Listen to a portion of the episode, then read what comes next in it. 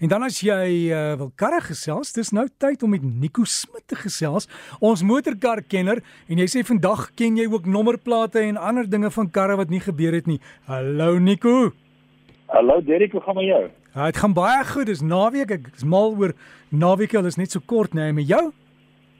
Ja, baie goed, jy is almal reg. So ek ehm um, hierdie is die lekkerste tyd van die naweek vir my want dan is is die hele naweek nog wat voor lê. so, weet jy wat ek ehm um, gesels het vandag oor nommerplate. Die eerste kar natuurlik eh uh, uh, is uh, gemaak deur Carl Benz in 1886 en ehm um, aanvanklik het mense net rondgery met hulle karre soos hulle wil en die Franse was die eerste mense wat gesê wag 'n bietjie, wag 'n bietjie, jy kan net sommer rondry sonder weet wie jy is nie. So in 1893 Ehm um, in Parys was dit die eerste Paris uh, Paris Police Ordinance het gesê dat jy as jy in Parys rondry met jou kar geïdentifiseer word. In 1901 moes alle karre in Frankryk 'n tipe nommerplaat hê, maar jy moet self 'n nommerplaat maak. So jy moet self, dit is aanvanklik nie 'n nommerplaat nie, maar jy moet self die identifikasie maak van jou voertuig en, en sodat hulle kan jou voertuig die voertuig verbind met die eie eienaar. 3 jaar later was dit ook in Duitsland Uh in Nederland is die eerste land wat ehm um, in Engels praat is van 'n uh, kom ons sê permit, 'n driving permit gehad het in 1898. Uh in Amerika was New York die eerste uh stad wat spesifiek gesê het hierdie nommerplate moet lyk. So die nommerplate was swart met ehm um, 'n swart nommers met 'n wit agtergrond. Ehm um, en dit was dan spesifiek gemaak sodat jy dan ehm um, uh uniforme ehm um, nommerplate het op alle karre. En afhanklik het, het, het die die die die eienaars hulle nommerplate gemaak het, kon hulle dit self maak sodat hulle eie materiale gebruik, hout, metaal, karton, leer, koper, ehm um, selfs na die Tweede Wêreldoorlog of tydens die Tweede Wêreldoorlog was metale baie skaars en dit 'n uh, 'n kombinasie gebruik van koper en saamgeperste sojabone om nommerplate te maak. So teen die 1950s ehm um, was daar effektiewelik drie standaard ehm um, uh, groot is of um, ont, ontwerpe van nommerplate Europa het een gehad, die Amerikas, Amerika um, of die Amerikaanse kontinent het een gehad en Asië en Australië het spesifieke grootte nommerplate gehad. So uh, natuurlik as jy sou weet direk dat nommerplate kan vir ons baie sê. Dit sê vir ons in Afrika as dit byvoorbeeld 'n militêre voertuig is daai M uh, dit sê vir ons wat die provinsie die kar vandaan kom.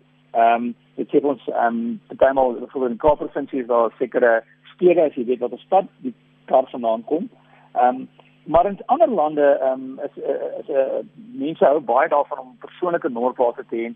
Vir altyd plekke soos Abu Dhabi en Dubai en selfs eintlik in, in in die Verenigde Koninkryk en Londen byvoorbeeld, waar mense baie graag 'n uh, enkel nommerplaat hê of twee nommers want dit is deel van jou status. So jou jou nommerplaat status in baie plekke is amper meer belangrik as die kar wat jy ry want as jy kar net een nommer het of twee nommers, is jou status amper hoër as daai spesifieke kar. Nou ek het bietjie gaan kyk na verskillende pryse vir nommerplate en um, as jy bietjie soek dan kry jy um heeltemal verskillende nommers vir wat is eintlik die hoogste prys betaal vir 'n nommerplaat. Maar die skrikwekkende ding is dat al hierdie hoogste nommerplate, al hierdie verskillende uh, webtuise wat besoek het, praat almal van 'n paar miljoen rand vir 'n nommerplaat. So as jy byvoorbeeld spesifiek 'n nommerplaat ehm um, een soek ehm um, dan in in in Abu Dhabi is dit baie want mense 'n paar miljoen rand betaal vir daai nommerplaat. So ja, dit is vir my nogal skrikwekkend om dit te dink. Die tweede ding wat ek wil sê wat wat ek nogal snaaks gevind het, ek het ehm um, bietjie rondgesoek en uh, hierop afgekom is wat was ehm um, uitvindings in voertuie of spesifiek vir karre wat nooit pos gevat het. So mense het hierdie probeer verkoop as 'n goeie idee, maar dit het nooit regtig gewerk nie.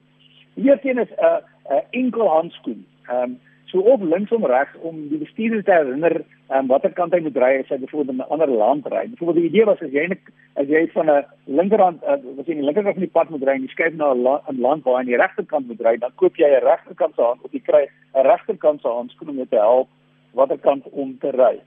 Aanvanklik was karre nie baie vinnig nie, so uh, iemand het um, om om om die honde saam te ry, het hulle hierdie idee gehad van van Engels praat van 'n dog sack. So dis amper soos 'n sak wat oor die venster hang en dan kan jy jou hond nou saamry, hoef nie in die kar te wees nie, maar jy kan jou hond daarom saamry deur jou um, die die sak aan die buitekant van die deur te hang. Jy kan natuurlik dink dit is prakties nie baie goed nie.